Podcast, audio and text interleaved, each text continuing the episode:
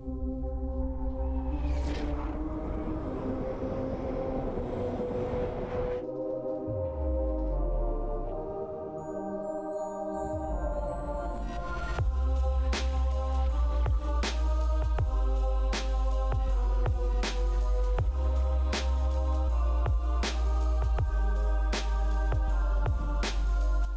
beste kijker, Dutch Matrix Illusie van onze realiteit. Leuk dat jullie weer kijken. We hebben een eh, nieuwe gast eh, in het huis, dat is Daniel Zavrel. Welkom Daniel.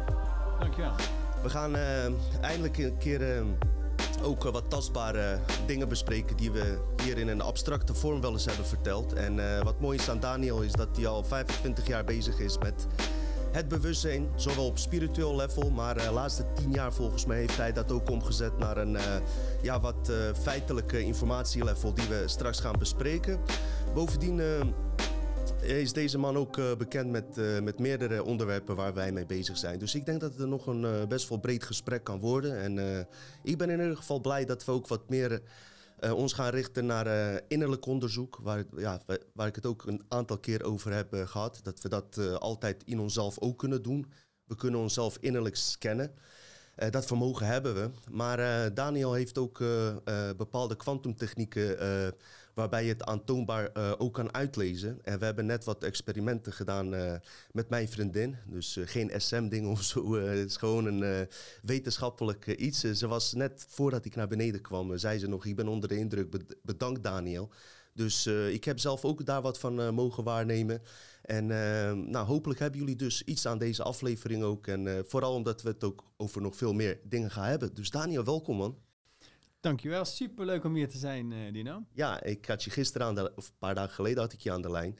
En ehm, ehm, ik, je bedrijf heet Being in Balance, Awaken Your Potential. Klopt. Gaan we het uiteraard over hebben. Maar wat mij ook nog meer triggerde is dat je nog eh, breed inzetbaar bent. En eh, gewoon echt bewust bent ook met, van ve- vele dingen die, waar wij het over hebben. Hoe ben je bij ons gekomen eigenlijk? Ja, mijn vrouw die heeft een eh, keer een aflevering gezien van de Dutch Matrix. En, Oké. ah, gaaf, gaaf, gaaf. Ze vond het, eh, ja, moet je ook eh, kijken, Daniel. Dus, nou, zo van zijn we het regelmatig gaan kijken. En nou, het is een onderwerp wat mij heel erg aan het hart gaat. Ik vind het heel erg leuk doet, hè, heel laagdrempelig. En dat sprak mijn vrouw heel erg aan, sprak mij heel erg aan. En nou, ik vind het een hele leuke show, wat ontzettend hard nodig is in deze tijd. Echt een, ook, en wat ik mooi vind, is je hebt het lef ook eh, om net verder te gaan waar anderen eigenlijk ja, eh, meer stoppen. En, ik denk dat dat stuk nog net zo hard nodig is in deze tijd. Om mensen ook op dat stuk wakker te maken. Hè. Dus eh, het lef hebben om ook dingen te bespreken die anderen niet durven te bespreken. En ik denk, dat vond ik fantastisch, vind ik fantastisch. En nou, vandaar dat ik ook heel erg leuk vind om hier te zijn vandaag. Dat, dat is van beide kanten. En ik vind zelf ook dat jij zelf ook lef hebt om hier überhaupt te komen. Dus er kijken ook beschaafde mensen naar Dutch Matrix. nee, een grapje. Maar eh, ja, je hebt ook bepaalde klanten. Je, je hebt eh, altijd... eh, hè, mensen hebben altijd wel wat te verliezen als ze over deze onderwerpen praten. En dat geldt ook voor ons allemaal. Dus zou je wat kunnen vertellen over hetgene waar je mee bezig bent de laatste tien jaar? Ja, even kijken. Nou, ik ben, als ik even bij het begin begin, ik ben eh, een bedrijfseconoom, afgestudeerd op de Erasmus Universiteit. Kijk eens weer in 1991 eh, is dat geweest. Daarna ben ik gaan werken bij Accenture, eh, een heel groot Amerikaans adviesbureau, eh, de grootste nog steeds ter wereld. Toen heette het nog Anderson Consulting. En daar werd ik veranderingsmanagement consultant, het begeleiden van veranderingen in bedrijven. En daar vond ik al heel snel de menskant het leukste. Hè, van, dan moest er een of andere eh, nieuwe software, dat vond ik dan niet interessant. Maar eh, die huilende dame of heer aan tafel die daar niet meer mee kon werken en zijn frustraties uit, dat vond ik dus wel interessant, hè, om die verandering om te gaan. Dus daar ben ik me eigenlijk verder in gaan verdiepen. En verdiepen, verdiepen, verdiepen. En zo kwam ik eigenlijk op een gegeven moment ook, eh, stoot, ik op, stoot ik op meditatie. En dat was in die tijd eigenlijk nog ja, veel minder populair dan nu. Hè. Dus toen ben ik begonnen met, ja, eh, dat heette transcendente meditatie. Daarna ben ik ook yogaleraar geworden. En kwam ik steeds meer in die, eh, eigenlijk ook meer in de spirituele dimensie uit. Eh, en op een gegeven moment stootte ik op OIBIBIO. Is een, een centrum voor persoonlijke groei en bewustwording in die tijd opgegroeid, opgericht door Ronald Jan Heijn. Ronald Jan Heijn was de zoon van Gerrit Jan Heijn, van, eh, van de Ahold-familie. En ja, die Zijn vader was ontvoerd, toch? Ja, zijn vader was toen ontvoerd, eh, het hele Ferdi-E-verhaal. Het hele bizarre is dat mijn pleegvader, Mhm. die eh, heeft Verdier ooit ontslagen. Oh, En die, toen hij bij PwC werkte. oh echt? En dus dat is een hele, hele bizarre verknoping. Dus ik ben gaan werken bij OBBO. Dus de, de, die Verdier is, eh, is, is de moordenaar van, van de vader van Ronald Jan. En, ehm, maar ontzettend lef en gaaf wat hij toen gedaan heeft. Zeker. Kijk, toen waren we echt ver voor de muziek uit. Hè? Dan heb je het echt over eh, bijna twintig jaar geleden. En ja, heel knap wat hij toen heeft neergezet. Ook En een mooi zeg boek maar- heeft hij geschreven. eh, Aquarius, Nieuwe Tijdperk. Ja, Ja. Superleuk boek ook. ja. Sorry hoor, eh, ga maar Ja, verder. dus daar, eh, daar heb ik eh, drie jaar toen gewerkt. En toen heb ik op een gegeven moment de overstap gemaakt om, om voor mezelf te gaan werken. Nou, dat doe ik inmiddels, moet daar even kijken, 23 jaar dan nu. Met Being and Balance BV. Ik heb ook nog Being and Business BV. Being and Balance BV is één specifieke methode waar we het dadelijk nog even over gaan hebben. Being and Business heeft nog andere methoden van coaching en training. Oké. Wa- wat eh, ons natuurlijk eh, inspireert, eh, we gaan het ook straks zeker hebben over de tijd waar we in leven. Want eh, we zijn ook, eh, heel veel mensen die kijken zijn vooral ook eh, nu ook bezig met zichzelf te onderzoeken, innerlijk onderzoek. Want er wordt altijd verteld, als er iets in jouzelf verandert, verandert ook de omgeving om je heen. Ja. Waar we naartoe willen is natuurlijk dat ook het collectief bewustzijn verandert. En eh, daar, daar heb jij ook, telefonisch hebben we daar natuurlijk hele interessante gesprekken over gehad. Gaan we ook zeker heen. Maar zou, zou je ons kunnen vertellen, ehm, eh, even, even globaal zeg maar, ehm, eh, over het apparaat, kwantumapparaat, die, die je lichaam scant en, en de, de stresspunten in jouzelf kan terugvinden, wat we net eigenlijk gepraktiseerd hebben, dat de kijker een beetje een idee krijgt van ja, hoe jullie te werk gaan en wat ze er eventueel aan hebben. Ja, ehm, nou dus even kijken, moeten we eigenlijk terug naar de jaren 60. Mhm. was op een gegeven moment voor het Amerikaanse leger wilden ze een technologie ontwikkelen die die eh, zeg maar elite troepen in balans kon houden en op een steeds hoger niveau kon laten presteren. Hè, het zijn niet voor niks elite troepen, hè, zoals Mhm. de Navy SEALs, die doen dingen ja, waar, waar de gemiddelde mensen denken van hoe kunnen ze het in godsnaam voor elkaar krijgen. En daar is kosten nog moeite gespaard. Maar in die tijd was er natuurlijk ook heel veel spionage, de Koude Oorlog. Dus de Russen die zijn daar, hebben zich daar eh, ook mee bemoeid met spionage, contra-spionage. En die hebben het uiteindelijk beter uitgewerkt, ook voor hun special forces, maar ook voor bijvoorbeeld cosmonauten. En het is eh, heel duur om een cosmonaut, ik noem het met een maagsfeer uit de ruimte te halen. Ja. Dus ze wilden eigenlijk een soort van methode van vroegsymptomatiek, die al in een vroeg stadium kon zien als bijvoorbeeld een, eh, iemand een bepaalde ongezonde leefstijl heeft. Van, goh, dadelijk eh, heeft hij een maagsfeer, moet hem uit de ruimte halen. Dat kost ons een paar ton, dat gaat niet lukken. Nee. Dus toen is het echt een miljardenproject opgetuigd vanuit de, de Russische overheid. En daar hebben ze heel het menselijk lichaam terug kunnen brengen naar frequentie. Ja, dus, eh, zoals kleuren verschillende frequenties hebben. Rood heeft een andere frequentie, ik noem het dan groen of dan ultraviolet.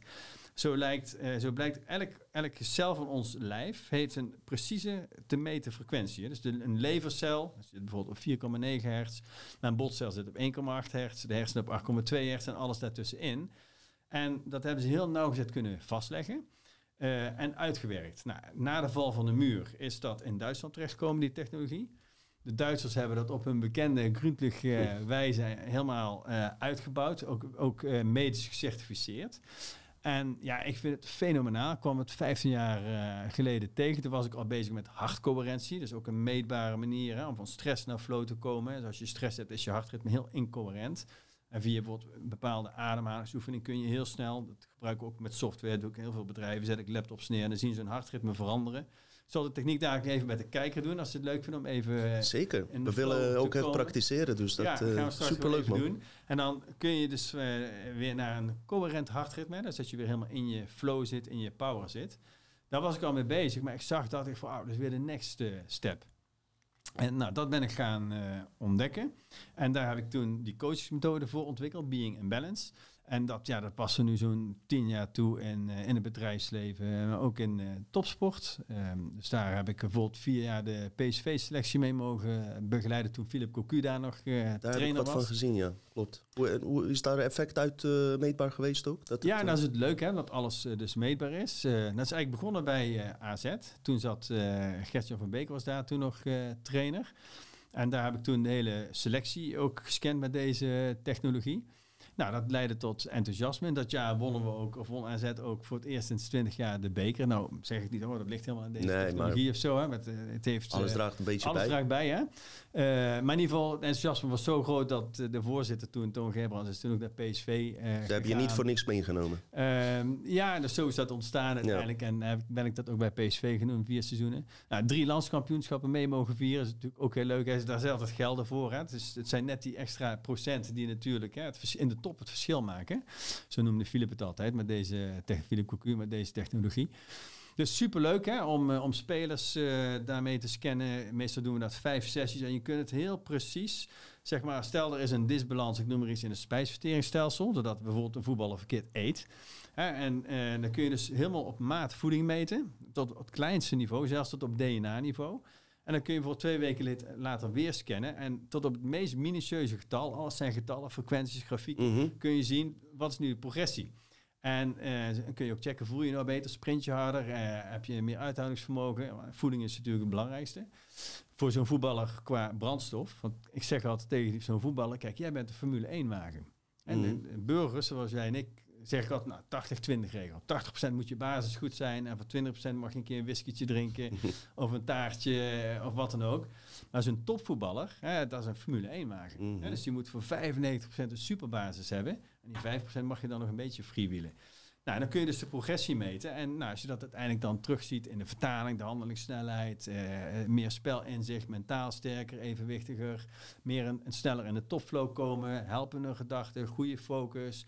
En als je dan, dan uiteindelijk ook terugziet dat je bijdraagt aan een resultaat, ja, dat vind ik super leuk. Dus ik ben in die zin enerzijds super spiritueel geïnteresseerd, Ja, maar anderzijds ook super aards en heel erg op resultaten en, En op wetenschap. dat En- trok me juist aan ook van jou. Ja. Want ehm, ik heb ook bijvoorbeeld eh, in onze podcasten, in onze onderzoeken, proberen we zowel dat eh, on- eh, niet tastbaar level, onzichtbaar level, wat je niet Ja. kan aantonen, te mengen met eh, wetenschap. Dat heeft Nikola Tesla ook gedaan, waardoor heel, hele mooie resultaten uitkomen. En dat heeft mij getriggerd waarom ik je hier heb laten komen. Ehm, Daniel vertelt nu even wat eh, technische dingen natuurlijk. We gaan straks ook naar eh, paradigmaverschuiving, bewustzijnverschuiving en collectief bewustzijn. Maar ik wil toch graag dat hij even meldt waar hij mee bezig is. Want hij heeft net ook bij mijn vrouwtje heeft die, hebben we wat metingen gedaan. En ik was er zelf bij. En hij kon echt werkelijk waar, gewoon uitlezen waar de punten liggen. eh, zonder dat we hem hebben verteld eh, wat, ze, wat ze heeft. Om het zomaar te zeggen. Ehm, dat apparaat kan ook dus eh, ziektes opsporen, virussen. Ja, Co-. COVID? Ja, Kan je daar eens wat over vertellen? ja, kan ik zeker wat over vertellen. Ehm, ja, het antwoord is ja. Kijk, alles heeft een frequentie. En ook een virus in een weefsel heeft een frequentie. Dus je, kunt, je hebt gezond weefsel, ik noem het eens een gezonde lever. En je hebt een, een eh, ziek weefsel, bijvoorbeeld een levercirrose, leververvetting. Of eh, leverkanker in een extreem geval. Dat heeft een ander, eh, andere frequentie. Je moet het zo zien, alles heeft een natuurlijk verval. Dus ik vertel het straks tegen jou. Hè? Het huis waarin je woont, als je daar duizend jaar niks aan doet, wordt het een ruïne. Gewoon omdat in de natuur in 3D is ingebouwd. En dat noemen ze het Shiva-aspect aspect van het Hindoeïsme. Alles heeft vernietiging, heeft verval. Heeft verlies van energie, van informatie en structuur. Dat heet technisch entropie. Nou, die entropie kun je meten. Nou, elke vorm van stress versnelt die entropie. Dus als je nou te veel whisky gaat drinken, Mhm. dan is dat een stress voor de lever. Hè, dus een te hoge entropie, dan krijg je energieverlies, informatieverlies, structuurverlies en functieverlies uiteindelijk van die, van die lever. Mhm. En dat geldt voor je relatie, eigenlijk voor alles waar je van buitenaf moet je er energie in stoppen.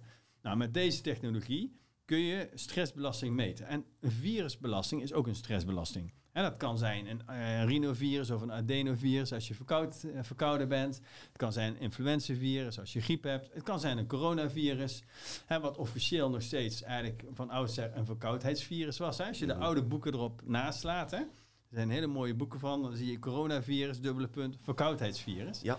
En eh, het coronavirus bestaat al, al vanuit de middeleeuwen. En ook dat zit in mijn, eh, in mijn systeem. Dus als je de luchtwegen scant en de longen, en dan kun je inderdaad zien, zit daar een coronavirus en eh, heeft iemand daar last van? Wat natuurlijk lastig is, en nog steeds een hele interessante discussie, is dat heel veel topwetenschappers, dat zijn vooral de mensen die niet aan het woord komen, zeggen, ja maar wacht eens even, COVID-19, dus SARS-CoV-2, is nog nooit geïsoleerd. Wat bedoelen we met geïsoleerd? Hè? Dus je hebt de zogenaamde, kan iedereen opzoeken, de postulaten van dokter Koch. Hoe een, een virus moet worden geïsoleerd. Hè? En dat moet dan bij iemand anders reproduceerbaar zijn. Die moet daar ook ziek van kunnen worden. Dan krijg je een bepaalde code van zo'n virus. Dan zeg je, nou, dit is het eh, SARS-CoV-2-virus. Mhm. Bizarre is, er staat nog steeds een prijs van anderhalf miljoen open voor iemand die kan aantonen dat code van dat virus. En er heeft net een burger in Alberta, de staat Alberta, heeft, heeft een rechtszaak, rechtszaak gewonnen. Er zijn de coronamaatregelen afgeschaft omdat ze dus dat SARS-CoV-2 niet kunnen aantonen. Nou, de Ehm. regering van Ierland heeft het ook al gezegd. Hè. Ja, Oh. We hebben het niet. En iedereen die dat vraagt, krijgt geen antwoord. Mhm. Dus dat is heel apart. Hè? Dus coronavirussen, ja, tuurlijk, die bestaan al, eh, ja, dat kan zijn, vanuit de middeleeuwen.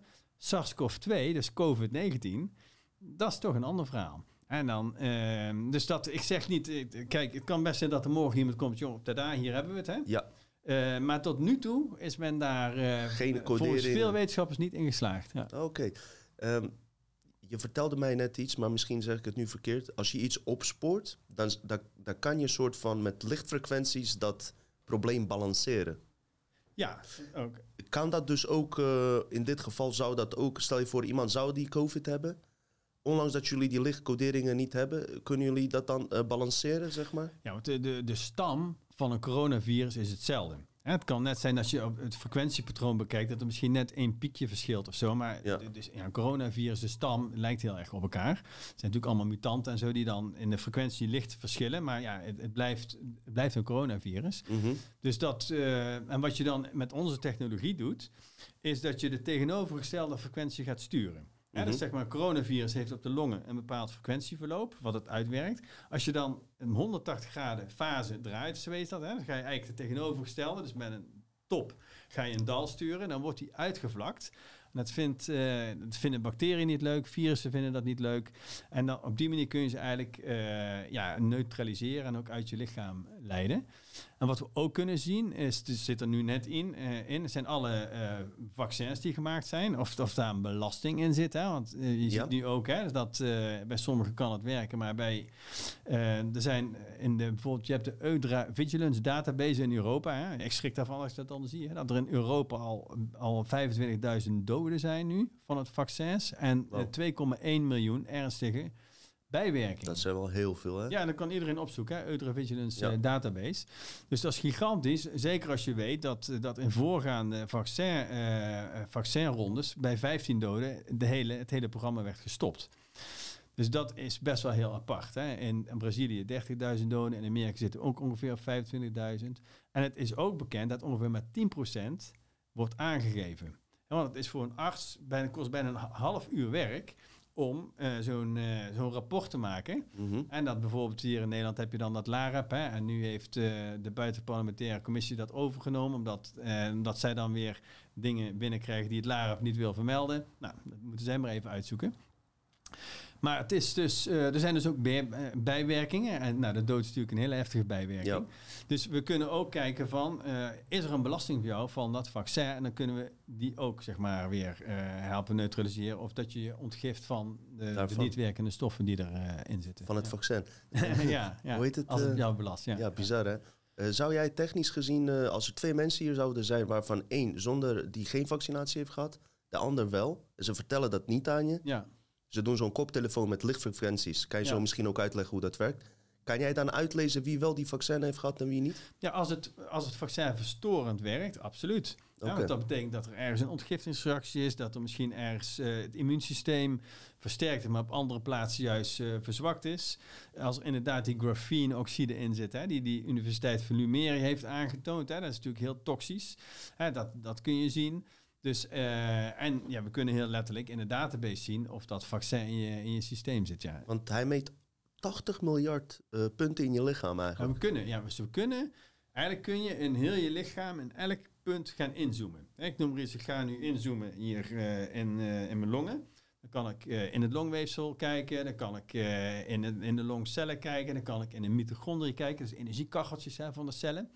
Dan kan ik naar, eh, uiteindelijk naar de ultrastructuur gaan. Dus dat kun je op elk punt in het lijf doen. Dus in theorie kunnen we op 90, 90 miljard punten scannen. Ja, en ik zag dat je dat met een koptelefoon deed die lichtfrequenties uitzendt. Uh, zou je misschien daar wat over kunnen vertellen? Is het veilig? Of. Ja, kijk, dat is natuurlijk waarvan me veel mensen denken, inclusief ik mijzelf in begin. Hoe kun je nou in godsnaam met een koptelefoon heel je lijf mee? Dat kan helemaal niet. Dus ik was in het begin ook zoiets van sceptisch. En ja, ik ben ook academicus, bedrijfseconoom. Hè, dus dat mm -hmm. denk ik, hoe kan een bedrijfseconoom zich nou hier sowieso mee mm -hmm. bezighouden? Nou, misschien is dat leuk om eerst even te vertellen. dus ik was al bezig met die mens in de verandering. Daar ben ik me in gaan verdiepen naar persoonlijke effectiviteit, toen persoonlijke groei, toen persoonlijke vitaliteit. Toen ben ik naar de medische basiskennis gegaan, uh, voedingsdeskundige, uh, meditatieleraar, yogaleraar. Dus eigenlijk steeds meer richting gezondheid gegaan en die werelden uiteindelijk gaan combineren. Dus ik werk persoonlijk als mentorcoach en vitaliteitscoach. Uh, maar we, hebben ook, uh, we zijn ook steeds meer artsen aan het opleiden. En die mogen natuurlijk ook echt diagnoses stellen. Mm -hmm. En uh, dat moeten zij vooral doen. Ik hou me vooral bezig met de mental coaching en de vitaliteitscoaching ja. met dit systeem. Mm -hmm. En ook de psychische achtergrond van waarom, hoe kan het zijn dat je zo uit balans bent gekomen dat, dat, dat je deze ziekte, of waarschijnlijk deze ziekte hebt ontwikkeld. Je gaat naar de bron. Ja, naar, naar de essentie. Nou, en wat dan, hè, dus die koptelefoon, Kijk, dan, dan komen we eigenlijk al op het terrein van kwantumfysica uit. Hè? Ja. ja. Wat Einstein al zei, hè? dat vind ik altijd heel mooi wat hij zei. Hij zei, kwantumfysica is de taal van God. En dat is zo gaaf hè, wat hij zegt. Want we zien hoe dieper jij gaat in de materie. Dus als we heel diep in deze tafel gaan, we gaan steeds dieper. De structuur en dan ga je naar de, uiteindelijk naar de elektronen in. De elektronen gaan naar de quarks. En uiteindelijk kom je eigenlijk op een soort van niets uit. Wat alleen nog maar energie en informatie is. Nou, en zo is het ook in je lijf. Hè. Energie is de arbeid. Hè. Dus ik pak nu dit glas op. De spierkracht. Ik uh, neem een slokje. Het gaat via mijn slokdarm naar de maag. En daar wordt het uh, zeg maar verwerkt en uiteindelijk naar de blaas en gaat het eruit. Nou, daar zit wat suiker in, dus het geeft mij energie. Maar de informatie, bijvoorbeeld van de maag, hè, dat hij dingen moet kneden, dat hij voedingsstoffen uh, moet, moet verteren, dat is heel belangrijk. Hè. Zoals bijvoorbeeld de bouwer van dit huis, die heeft met architect, uh, de tekening van de architect, heeft hier moet een raam komen. Dat is informatie. Arbeid is de spierkracht of de hijskraan die het erin heeft geplaatst. Nou, en uiteindelijk, ja, op kwantumniveau, blijft over energie en informatie. Dus als jij, uh, als jij dat kunt meten, hè, in de kwantumfysica bestaat dus dit allemaal niet. Hè, als je, ik heb, hij had het er net over, als je mm. een propeller van een vliegtuig neemt die heel snel draait, dan krijg je een soort van de illusie van, van vastigheid. Hè? En als je dan je hand erin steekt, nou is je hand eraf. Ja. Staat het vliegtuig stil en die propellers, dan kun je gewoon je hand erin doen. Ja. Nou, vanuit de kwantumfysica zijn het allemaal snel draaiende propellertjes die ons de illusie geven van een 3D-realiteit. Maar in feite is het geen, hè, wat ze ook vanuit het hindoeïsme, de Bhagavad Gita en zo ook zeggen, hè, ah, Maya, alles is een illusie. Hè? Ja. Uh, alles is energie en informatie in meer of minder verdichte vorm vanuit de kwantumfysica.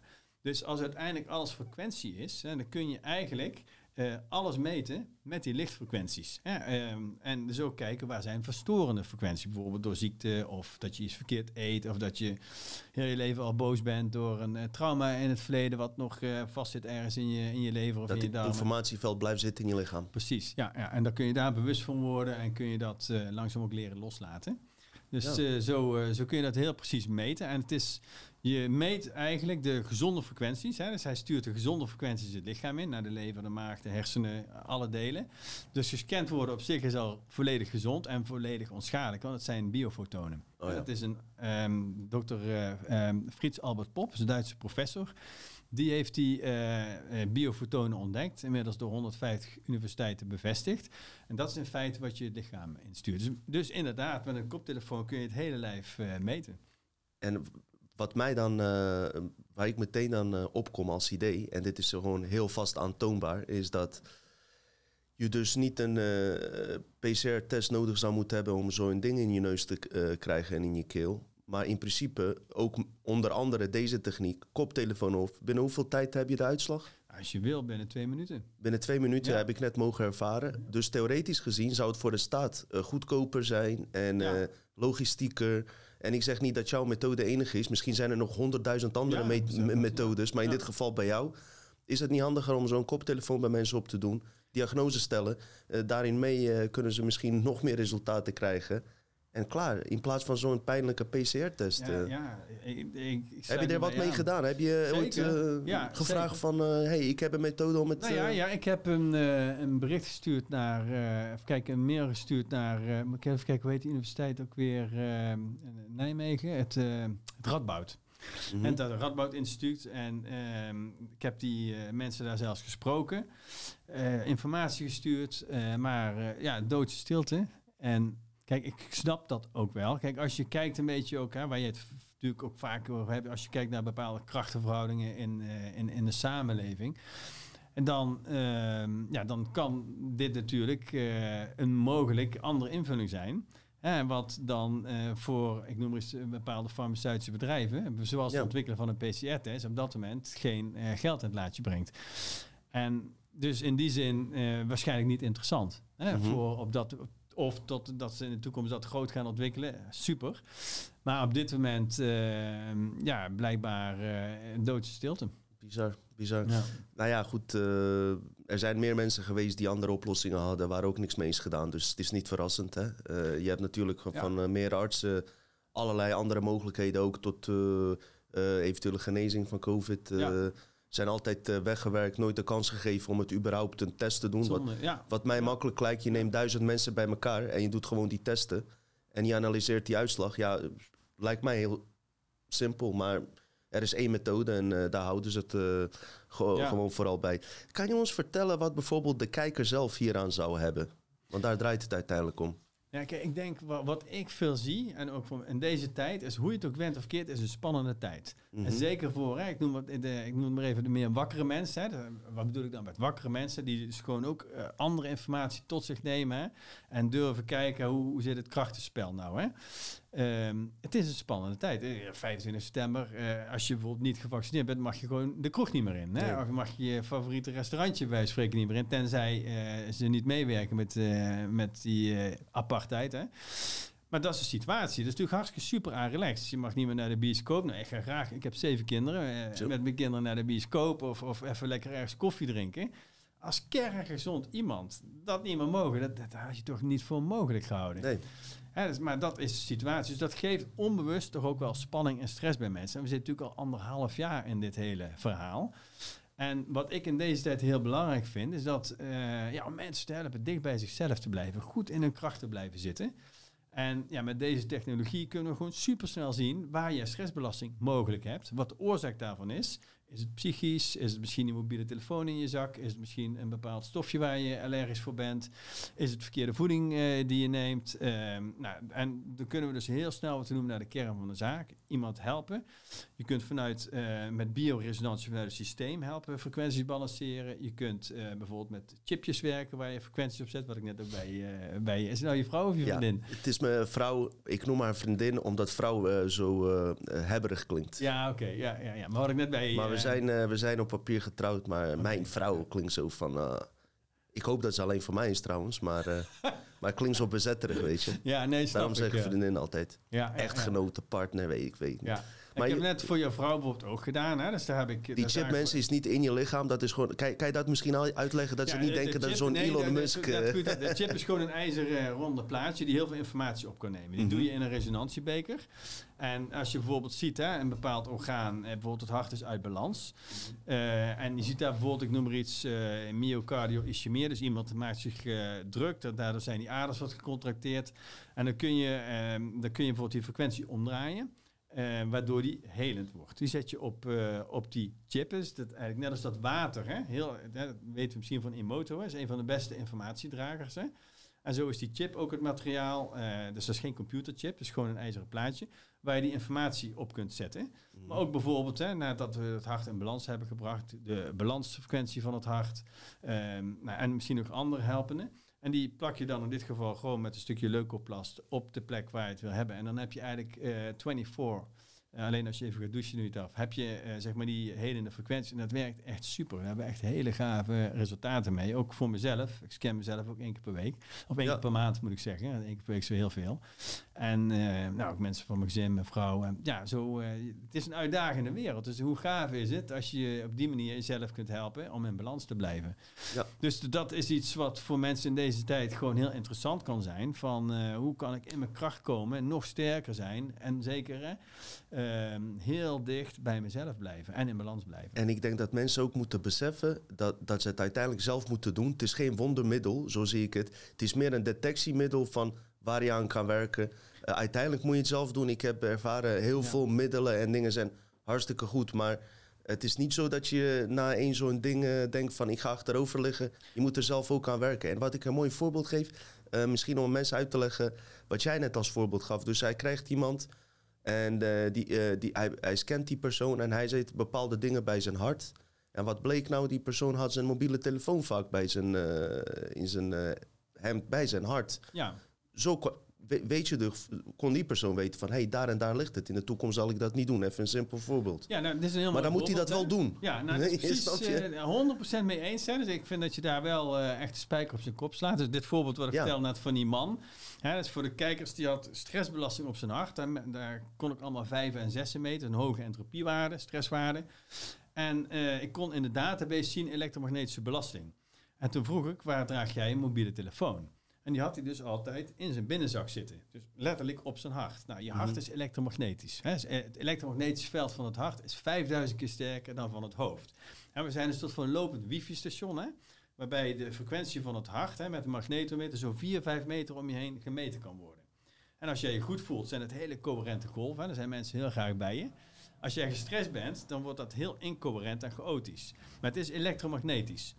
Nou, en dan ga je daar een telefoon op je hart dragen. En die man deed dat zo 16 eh, uur per dag in zijn colbertje. Hè?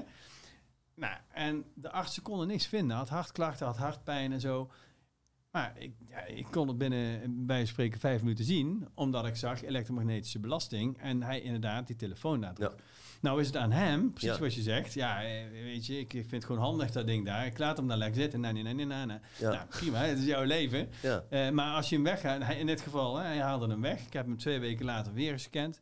Niks meer aan de hand. Hartproblemen Klopt. weg. En dit is een simpel voorbeeld. Heel simpel zijn, ja. Het kan ook een verslaving zijn waar je liever niet vanaf wil. En da- dan wordt het ook eh, moeilijker natuurlijk. En, en dat wilde ik er even bij vermelden. Dat de mensen niet denken dat ik hier apparaten sta te promoten. Daniel is hier ook omdat hij heel veel kennis heeft, vind ik zelf, wat ik al heb mogen opmerken, ehm, over meer dingen. Want hij is ook 25 jaar hiermee bezig. En ehm, wat ik graag zou willen weten, Daniel, eh, het lijkt wel of het hele oude systeem is vastgelopen. Economisch gebied, politiek gebied, eh, educatief gebied. Mhm. In eh, jouw geval, laten we zeggen, spiritueel, medisch ding. ja. Waardoor voor jou denk ik sowieso nieuwe mogelijkheden zullen blijven ontstaan. Want dit is vrij nieuw. Hè? Dat apparaat is, is een heel duur apparaat waar miljarden projecten in zijn gestoken. En zo Ja. zijn er nog andere methoden hè, die er zijn. Hoe zie jij in het algemeen deze situatie? Zou, wat, wat is jouw visie daarop? Eh, Ben ik wel benieuwd naar. eh, eh, is het een gamechanger geworden voor jou in ieder geval, deze COVID-situatie van de laatste twee jaar? Ja, goede vraag. Ik denk zeker wel. Hè. Kijk, jij hebt zo'n mooi, jij noemt het een paradigmaverschuiving. Ja. hè. Ik denk dat je daarmee supergoed uh, zoet doet. Kijk, wat, als je nu weer terug gaat naar frequentie, Mhm. wat er nu aan het gebeuren is eigenlijk, is dat de aarde naar een hogere frequentie aan het gaan is. Hè. Dus dat, eh, dat kun, je, kun je ook meten met de Schumann-resonantie. De Schumann-resonantie is ook wel de, de hartslag van de aarde. Als cosmonauten de ruimte in gaan, moeten ze een Schumann-resonator meenemen om die aardefrequentie nog bij zich te dragen. Anders gaat hun hart en alle organen raken helemaal uit balans. En die Schumann-resonantie op aarde is aan het verhogen. Dus we zijn met z'n allen naar letterlijk naar een hogere frequentie aan het gaan. Nou, dat is heel belangrijk om even daarop in te tunen. Want eh, ook naar emoties en ons bewustzijn heeft verschillende frequenties. En de allerlaagste frequentie, hè, dat heeft, ik ben heel even zijn naam vergeten. Ik kan het anders wel even eh, mailen. Eh, dat is een, eh, een boek, Power versus Force, zo heet het. Ik ben even de schrijver kwijt. Die heeft met spiertesten gemeten de kracht van emoties en de frequenties. Hij zegt de allerlaagste frequentie is schaamte. Hm. Dan schuld, schuldgevoelens. Hm. Dan eh, angst. Eh, en dat, dat zijn dus hele, hele lage frequenties waar onbewust heel veel mensen in zijn. Ik zit ook nog, hè, ik, ben, uh, net, ik ben nog geen heilige. We zijn allemaal aan het leren en aan het doen. Zeker hè, dus weten. Ik schaam me ook wel eens. Hè. Ik voel me ook wel eens schuldig. En ik ben ook wel eens bang. Ja. En dat zijn we allemaal. Precies wat de overheid uh, doet. Ja, ik, ik denk ook, ik, ik ben bijvoorbeeld wat er nu gebeurt, ik vind het heel vervelend voor mijn kinderen. En toch is het een grote kunst, als je het hebt over mentale veerkracht, hè, om dat te zien en er niet in te blijven hangen. En dan komen we daar ja. op een esoterisch aspect daarvan, hè, wat ook heel belangrijk is. En met, met, met mogelijk de krachten achter de schermen die belang hebben om die frequentie laag te mm -hmm. houden. Dat was en, mijn volgende vraag. Oké, okay, goed dat je daar zelf op, op komt. En hoe, als je meer omhoog gaat, hè, bijvoorbeeld boosheid heeft al een hogere frequentie. Hè, je kunt heel erg lethargisch in je stoel blijven zitten. Of je kunt verdomme, nou is het genoeg. En, ja. Nou ga ik iets doen, weet je wel. Ja. Die boosheid is een waanzinnige power. Komt uit hè? emotie. Ja, dat is je hart. Emotie, hè? Dat is boosheid. Als je die weet om te zetten naar actie. En dan ja. zie je nu bijvoorbeeld, hè, ik zag uh, in Australië, wat natuurlijk nu een soort van prison camp uh, geworden is. Hè? Ja. Dan zijn er die construction workers. Nou, dat, dat zijn natuurlijk geen watjes. Nee. Hè? En, als die, en die beginnen nu, en dan zie je die, die, uh, die power, hè, die boosheid die wordt omgezet in actie, of die truckers. Dat is gewoon heel gaaf om te zien. Tuurlijk. Nou, en dat is al een hogere frequentie. Nou, en de allerhoogste frequentie is dankbaarheid. En, en als dat voor sommigen een beetje vage religieuze termen is zonde, want dankbaarheid is gewoon iets heel gaafs. Ik, kan, ik kan om helemaal niks dankbaar zijn. Als ik in een espresso barretje zit, krantje erbij, mooi muziekje, mooi design tentje, dan voel ik me heel dankbaar. En dan, kijk, uh, eigenlijk kun je zeggen, alles is of een schreeuw om liefde, of een uiting van liefde. Dus eigenlijk een negatieve emotie, onprettige emotie, is een schreeuw om liefde. Je bent boos omdat iemand je iets geflikt heeft, dus je raakt uit je liefde. En je wil zo graag liefde ervaren. En daarom ben je boos, want je wil terug naar die eenheid. En daarom ben je boos. Dat is, een, schreeuw om liefde eigenlijk. Verdriet is een schreeuw om liefde. Want ja, je voelt de liefde niet meer. Je bent afgestoten van iets waar je liefde voor had of voor voelde. Uh, positieve emoties een uiting van liefde. Dus je hebt een super vette film gezien. Ja, gaaf film man, moet je kijken. Uh, super gaaf. Nou, dat is blijheid, dat is een uiting van liefde. Nou, de allerhoogste uiting van liefde is dankbaarheid. Kijk, waar wij nu in zitten is een hele gave tijd. Hè, waarbij we de frequentie gaan verhogen. Hè, naar meer, steeds meer uitingen van eenheid, van liefde. Wat de krachten achter de schermen willen, als ik het even zo noem, is verdeel en heers, is verdeeldheid. het ene kamp tegen de zwart tegen wit. Um, gevaccineerd, niet gevaccineerd. Gevaccineerd tegen niet gevaccineerd, dat zien we nu heel duidelijk. Ja. Hè? Dat is het spel wat nu gespeeld wordt. Hè? Tot misschien ergens een burgeroorlog en toe. Hè? Mm -hmm. Dat is de ultieme verdeel en heers. Hè? Want dan kijken ze naar elkaar, dan kijken ze vooral niet naar degene die erachter die zit. Het, ja. Hè? En dus wat nu heel belangrijk is, is naar je hart gaan. En dat zal ik even uitleggen. Dat is namelijk heel simpel. Kan ik zo even een oefening ook mee doen. Hè? Tuurlijk. Kijk, onze, we hebben twee, twee hersenhelften. De linker hersenhelft en de rechter hersenhelft. Dat zijn er twee, dus dualiteit. Niks mis mee. Maar ons hart is eenheid. Hè, en vandaar is ook de Dutch Matrix. De, de weg uit de Matrix is nooit uit het hoofd, is uit het hart. Het hoofd is een fantastisch instrument, maar kan je ook in een, in een web houden. Het hart zit buiten tijd en ruimte. Hè? Zit eigenlijk, als je het noemt de vijfde dimensie, de kwantumdimensie. Eigenlijk alles zit in je, in je hart, zou je kunnen zeggen. En je hart is voelen. Dus je innerlijk navigatiesysteem is je gevoel. En wat je nu ook ziet, is dat steeds meer, noem maar mensen die ontwaken, die wakker worden, die hun frequentie verhogen, kunnen heel goed lage frequenties voelen. Dus als ik bijvoorbeeld Hugo de Jonge zie praten, ik voel gewoon zijn frequentie. En heel veel mensen, wat hij ook kan zeggen, en je, je ziet het ook aan, aan zijn mimiek, hè, je ziet, deze man staat hier zo'n potje te liegen. Dit is, of Rutte, hè, die dat is natuurlijk op zijn, wat mij betreft, ja, gewoon supergoed om dingen eh, te vertellen die ook niet waar zijn of half waar zijn. Maar met je frequentie, met je energie, kun je dat voelen. En dat is dus nu heel belangrijk, hè, om, eh, om, om frequentie te kunnen detecteren en je niet mee te laten trekken met de lage frequentie. Maar dus je frequentie continu verhogen. En dat is heel belangrijk nu. En dat is eigenlijk uh, de, de weg van 3D naar 5D. Hè? Uh, die, transformatie. Nu, uh... De transformatie waar we nu in zitten. En het gaat per persoon. Dus iedereen voert erin zijn eigen innerlijke strijd. En dat is ook wat, wat in de Bhagavad Gita, Krishna zegt tegen Arjuna, vecht. Hè? En zeg ik wel, hij die, die zichzelf overwint, is sterker dan hij die zeven landen inneemt. Jezelf overwinnen is hè, je eigen darkness en je patronen en je saboterende me mechanismes en weer uh, je pijnlichaam en uh, allemaal oude pijnen erin blijven hangen en zwelmen en zwelgen in die pijn en heel in die lage frequentie terechtkomen. Het gebeurt ons allemaal. Maar daar heb je dus een intens bewustzijn voor nodig, of gewaar zijn, of alertheid voor nodig, om te zeggen van, hé, hey, nu zit ik al een half uur in die, in die vibe. Ja. Laat ik iets leuks gaan doen, of anders gaan denken, anders gaan voelen. En um, dat kwantumfysica, hè, dat we ook een, uh, ja, deze realiteit eigenlijk zelf scheppen. En ik heb het mogen ervaren in mijn privéleven. Alleen het is tijd dat we het collectief doen. Uh, zie, ja, uh, zie je daar iets in, zeg maar? Dat we, dat we zeg maar ook gezamenlijk be bepaalde oefeningen kunnen doen? Of, nou ja, kijk, het, het HeartMath Instituut. Ja. Dus dat is een, een instituut die heeft dus heel veel onderzoek gedaan hè, naar de functie van het hart in relatie tot de hersenen. En uh, zij hebben ook uh, een zogenaamde coherentiekamer. Wat doen ze dan? Dat hebben ze ook gemeten. Bijvoorbeeld toen uh, 9-11, hè, het event, hè, nou, of je nou wel of niet in de false flag gelooft, of het echt maakt niet uit, hè, maar dat gaf een enorm collectieve reactie toen.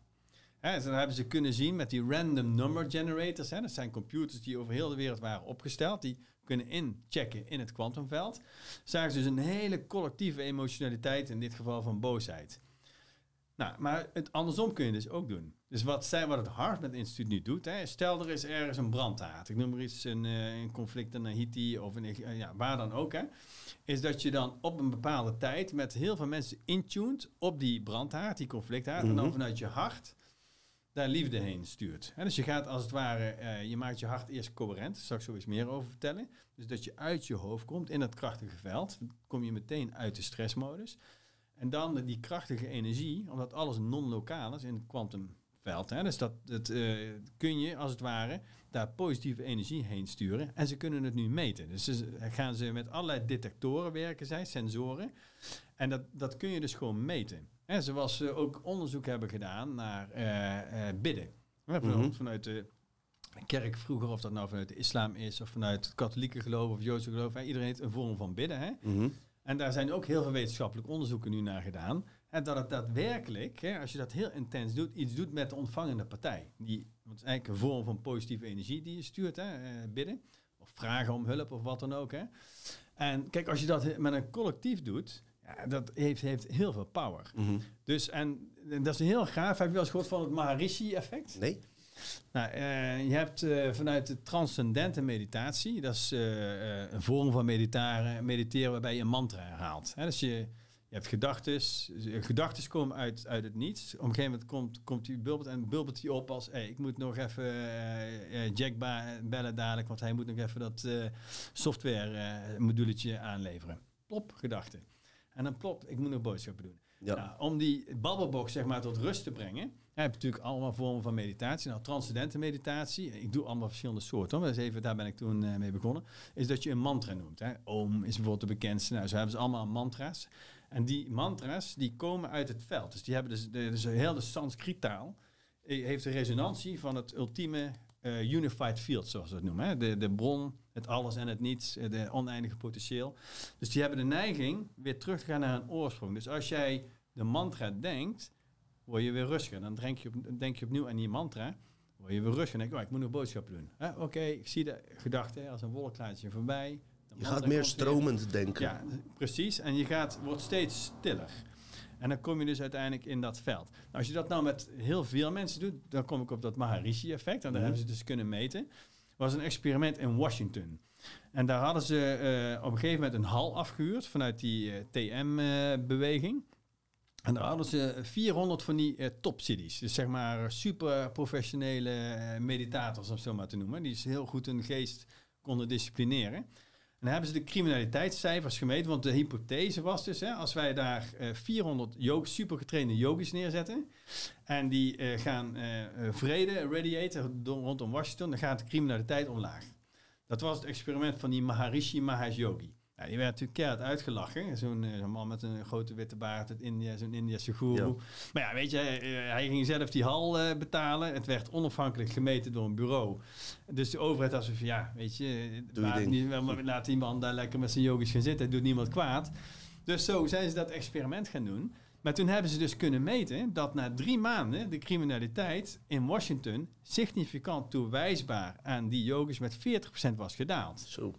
En dat noemen ze nu het wortel, of Maharishi-effect. En dat zegt dat als de wortel van 1% van een bepaalde groep incoherentie komt. Dan moet ik even uitleggen wat dat is. Hè. Dus als je stress hebt, is je hartritme dus incoherent. Hè. De signalen via je autonome zenuwstelsel naar je brein zijn dan heel ehm, ja, eh, chaotisch. Hè. Dat in de onbalans. onbalans. Hè? Dat, dat gas- en rempedaal zijn dan in conflict met elkaar. Op het moment dat jij eh, een positief gevoel hebt, bijvoorbeeld een gevoel van eh, fun, dan wordt je hartritme dus heel mooi coherent en de signalen naar je brein en naar buiten ook. Dan word je een soort van wifi-station van harmonie.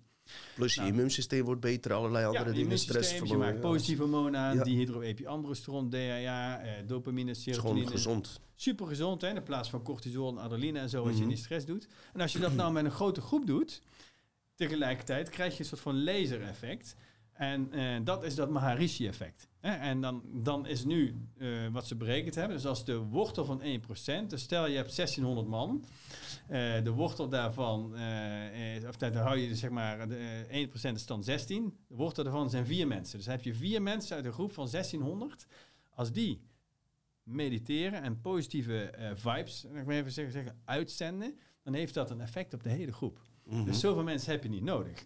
En we zitten nu, dat honderdste A-perfect, zitten Ja. we nu heel dicht tegenaan. Ja. En daarom, Dino, doe jij fantastisch werk. En eh, wil ik echt even zeggen Dankjewel, tegen jou, nee, ik vind dat dit soort mensen als jij, hè, die moeten veel meer gelauwerd worden. Niet om vanuit, vanuit je ego, maar gewoon omdat je superbelangrijk werk doet.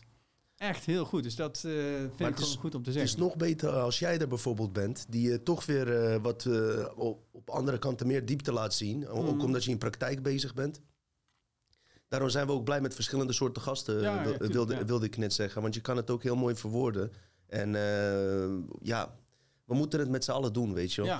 Ja, wat betreft mijn eerste vraag die in mij opkomt is van... waarom gaan we niet zo snel mogelijk met z'n allen in die hartfrequentie zitten... om hier wat aan te veranderen? zullen we doen? Dat gaan we straks zeker doen. Ja. Maar daaraan gekoppeld is mijn volgende ding is... eh, op het moment eh, als je zoiets doet, denk ik zelf wel dat je eh, moet beseffen van dat het uit jezelf komt. En dat je niet aan een extern iemand vraagt om dit op te lossen. En bij het bidden werkt het wel hoor. Ik geloof wel dat dat meetbaar is en alles. Alleen dan eh, laat je eigenlijk je eigen kracht niet zien. Maar verwacht je dat, dat een externe factor als God of universum dat moet doen. En ik denk dat daar nog heel veel eh, meditatiegroepen dat verschil nog niet weten. Ja, Terwijl het wel werkt door bidden, dat zeg ik niet. Alleen het, het verhaal zit wat dieper in elkaar, weet je wel. eh, Wil je echt uit deze matrix gaan veranderen? Ja, ben ik heel met je. eens. Ik denk dat het effect wat je meet uiteindelijk... Kijk, ik Eigenlijk is het Ja. ook een vorm van medita- mediteren. Natuurlijk, je gaat rustig zitten. Ja. Ik zelf bid niet. Hè. Ik Nee, mediteer. Je Maar kan het zo noemen. ik probeer me even in te tunen wat, wat je zou kunnen doen als je dan bidt. Hè. Dat is dan, dan- vaak zitten mensen ook zo. Hè. Mhm. Dat is wel heel mooi. Hè. Dat is een mudra. Hè. De, de yoga kent mudra. Dus je hebt hier twee belangrijke eh subchakras, hè, energiepunten. Dan moet je maar bijvoorbeeld heel hard gaan wrijven door je handen. En dan kun je, als je dan dat een half minuut, kun je gewoon letterlijk hè, een, een, Oh ja. een bal, dat heb je wel eens gezien. Hè? Stamt dat af van moeder, moedra? Of, eh? Ja, nee, ja, het is een uh, Sanskriet woord, hè, mudra. oh. Volgens mij is dat energiebal of zo. Mudra. En je hebt hier de, de vrouwelijke en de mannelijke kant. Op het moment dat jij, dus het is een mudra uit de yoga. Mhm, Eh, als jij dat op je hartchakra doet, hè, dit, hè. mhm. Dus dat is vaak hoe, hoe monniken vroeger al bidden. Of dat nou de islam is of katholiek, hè. Zo wordt vaak, eh, Klopt. vaak nog op, op je knieën ook, hè, vanuit nederigheid. Als je dan je ogen sluit en je hebt dit op je hart liggen en je krijgt die energie in balans, yin-yang, geeft dat een enorme rust. Je komt bij je hart. Dus je wordt automatisch coherent. Dus ik denk dat het veel meer het effect van coherentie in het veld is, wat dat Mhm. effect dan inderdaad, ik ben het heel met je eens, een van de bronnen van buiten die dan een interventie pleegt. Ja. Waarmee ik niet zeg dat het niet zo is. Hè. Het kan best zijn dat er, zeg maar, dat je, omdat je met contact maakt met, eh, met eh, entiteiten die op een andere frequentie zitten, hè, buiten Ja. het lichtspectrum, hè, noem het maar engelen of archangels, hè, die Mhm. zitten op een ander frequentiespectrum. Hè, dat die daar misschien een interventie, omdat je daar toestemming voor vraagt. Want ze Ja. mogen vaak alleen maar helpen. Als je, ik sluit dat niet uit. Hè, dat, zou je op een andere manier wetenschappelijk moeten meten. Ik denk dat dat heel, heel uitdagend is. Ja, Maar ik sluit, kijk, ik sluit niks uit. En dat hoor ik, zie ik bij jou ook, hè? Want als je iets uitsluit, zet je je mind op slot. klopt. En dan hou je je wereld heel beperkt. Dus ik ben super kritisch, Ja. eh, maar wel heel open. Want dat maakt dat ik heel, heel snel leer en heel snel groei. Want waarom zou het niet zo zijn? En eh, nou, weet je, als ik open nou, laat me, nou, maar eens kijken. Nou, eens Tuurlijk, ervaren. En tuurlijk. dan pak je het goede ervan. En wat niet voor jou is, ja, jammer dan, weg ermee. En dus dat is, ehm, ja, Ja, ik, ik, ik naar heb zelf een ezelsbruggetje. En je zei net al, eh, alles buiten, de, eh, buiten jezelf om is matrix-illusie. doen. Ja. En ehm, dat is in, in principe te manipuleren. hebben we hele aparte afleveringen over gemaakt. Dus of je naar een god of universum bidt, het gaat naar buiten. Je, je, je, je gaat het in de eh, matrix zelf vragen. Terwijl als je in je hart gaat, dan ga je een andere dimensie in, scheppende dimensie. En ehm, dan kan jij dat dus, eh, om het daar te downloaden in je hart, dan ga je naar binnen. Ja. Daar downloaden, uploaden naar je hersenen en manifesteren in eh, deze werkelijkheid. Heb ik het bewijs daarvoor? Nee. Maar ik, ik zie er wel wat in. En ja, weet je, naarmate de tijd verstrijkt en vooral doen en naar resultaten kijken, zou ik zeggen, in praktijk brengen.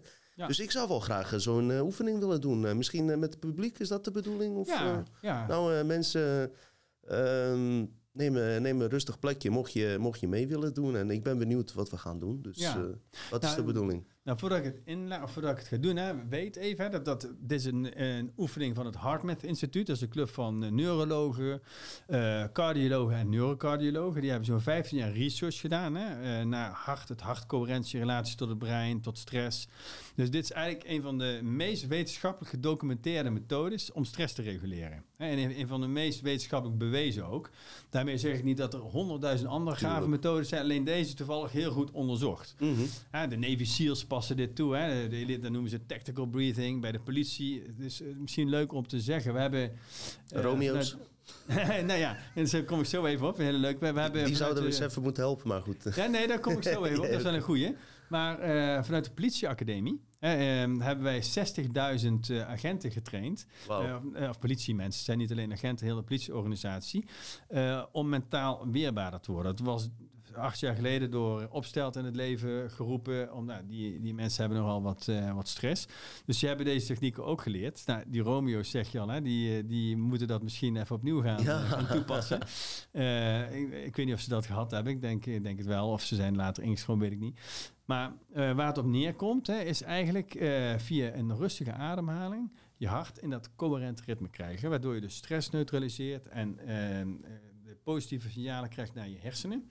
En naar elke cel van je lijf. Waardoor je dus heel krachtig die stress tot stilstand brengt.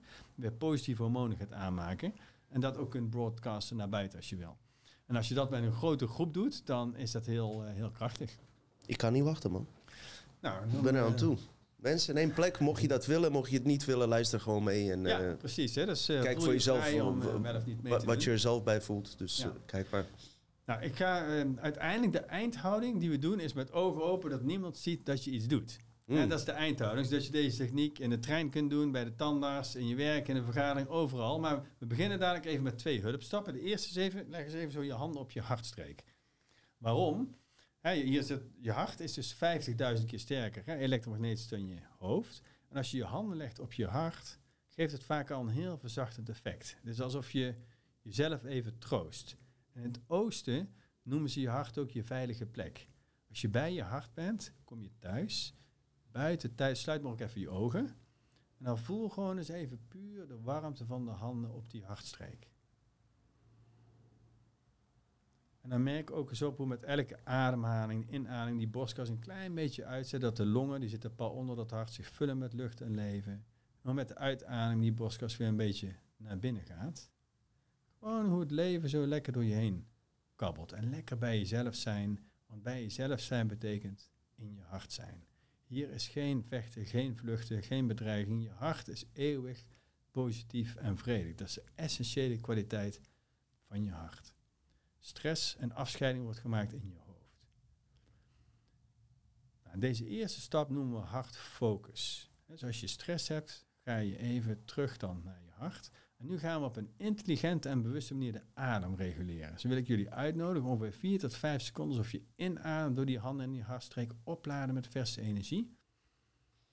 Daarna alsof je uitademt 4 tot 5 seconden door je hart en je handen laat je spanning los, ontladen. En hou dat ritme vast. Ongeveer 4, 5 seconden in, opladen met verse energie. En met de uita- uitademing 4 tot 5 seconden laat je alle spanning los.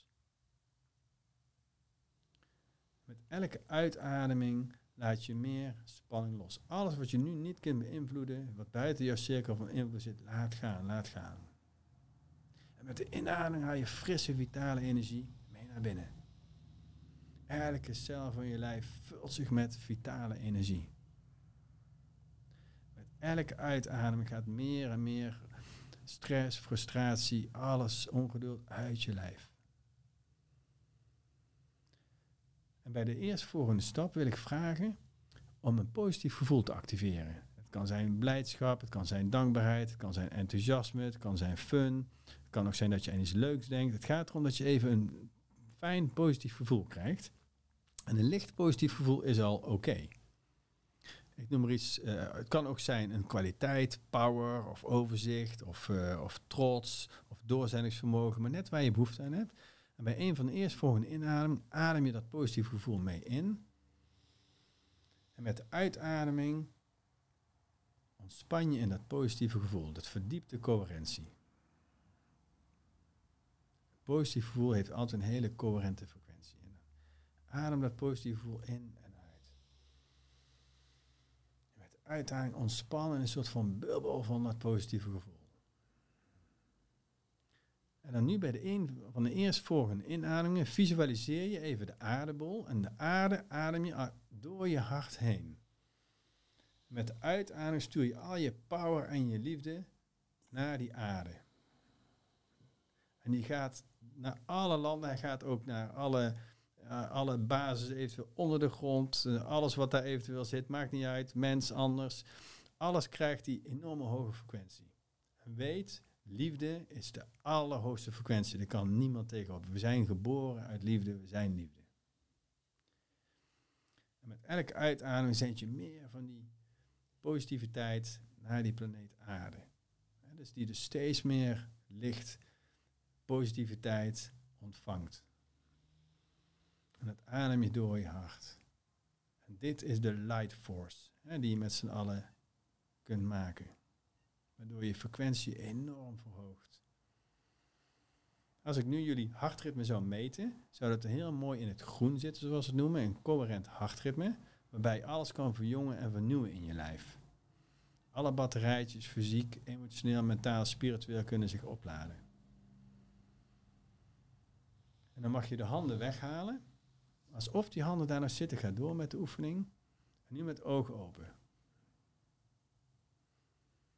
Blijf nog rustig ademen en adem die positiviteit in en uit door je hart.